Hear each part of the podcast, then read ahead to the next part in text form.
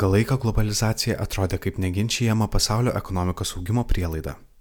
Tačiau pandemija parodė tikrąjį globalių tiekimo grandinių pažeidžiamumą, o Rusijos pradėtos karas Ukrainoje greičiausiai paskatins neišvengiamą jų peržiūrėjimą visame pasaulyje. Lietuvos verslui tai gali būti galimybė dar labiau įtvirtinti ar net išplėsti savo eksporto apimtis. Kokie veiksniai galėtų įgalinti mūsų šalies verslo sėkmę? Kompanijos vakarų šalyse vienu iš pagrindinių strateginių siekių laikė veiklos efektyvinimą, kuris leistų išlaikyti konkurencingas kainas ir tuo pačiu metu užtikrinti pelningą veiklą. Todėl daugybė žemos ir vidutinės pridėtinės vertės gamybos iš vakarų šalių buvo perkelta į kitas rinkas, kurios galėjo produktus pagaminti pigiau arba kurios išsiskyrė tam tikrą specializaciją. Terminas subranga, angliškai outsource, buvo įsitvirtinęs kasdienėje verslo kalboje. Per pastarąjį dešimtmetį Lietuvos verslas sugebėjo išnaudoti šią tendenciją. Nuo 2010 metų smarkiai išsiplėtė baldų gamybos pramonė, paslaugų centrai, IT sektorius ar biotehnologijų įmonės. Didžioji dalis šiuose sektoriuose sukūriamos produkcijos ir paslaugų yra orientuota į užsienio rinkas. Pandemijos laikotarpis dar labiau sustiprino šalies verslo pozicijas eksporto rinkose. Nors šiuo metu nėra paprasta tiksliai pasakyti, kaip pandemija ir karas Ukrainoje ilguoju laikotarpiu pakeis pasaulinės tiekimo grandinės, tačiau jau šiandien matyti, kad didesnio efektyvumo siekis vakarų šalyse ir bendrovėse nebebus svarbiausia.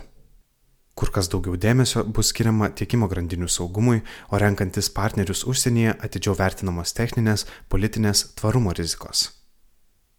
Europoje saugumą pirmiausia bus siekiama užsitikrinti energetikos srityje.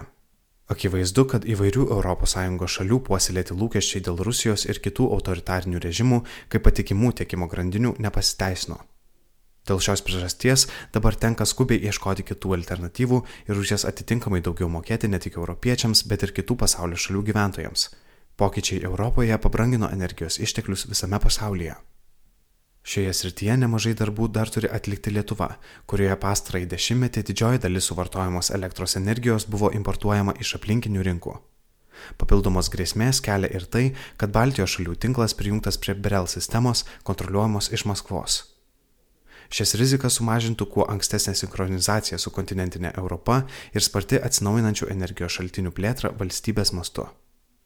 Tuo metu verslas taip pat turi galimybių didinti savo energetinį atsparumą per investicijas į našesnės gamybos technologijas ar tam tikrų veiklos procesų skaitmenizavimą, atsinaujinančių energijos šaltinių panaudojimą savo veikloje.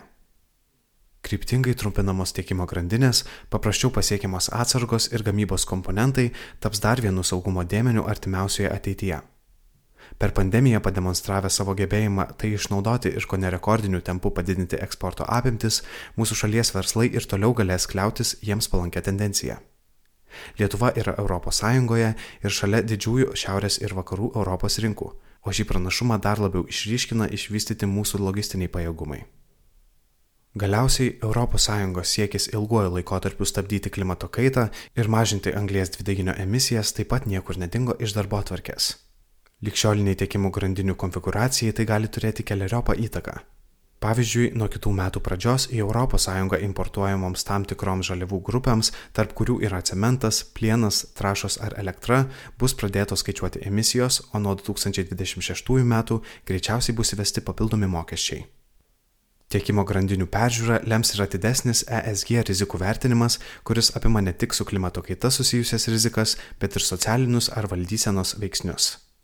Tai yra vertinama, ar tiekėjas atsižvelgia į savo darbuotojų teisės, užtikrina jiems saugias ir sąžiningas darbo sąlygas, neturi santykių su sankcionuotais subjektais ar paiso galiojančių vietinių ir tarptautinių reguliavimų. Galvojant apie ilgalaikį konkurencingumą, šiandien investicijas prasmingiausia nukreipti į tas rytis, kurios leidžia padidinti veiklos efektyvumą ir tuo pačiu metu mažina veiklos emisijas ar kitaip prisideda prie aplinkosauginių tikslų. Siekiant išlaikyti ir stiprinti pozicijas vakarų rinkose, bus reikalingas ir tvarumo dėmuo. Apie tai turi būti galvojama ne kaip apie vienkartinę iniciatyvą, o kaip apie vieną iš pagrindinių įmonės strategijos dedamųjų dalių. Komentarą paruošė Svetbank verslo klientų tarnybos vadovas Antanas Agatauskas.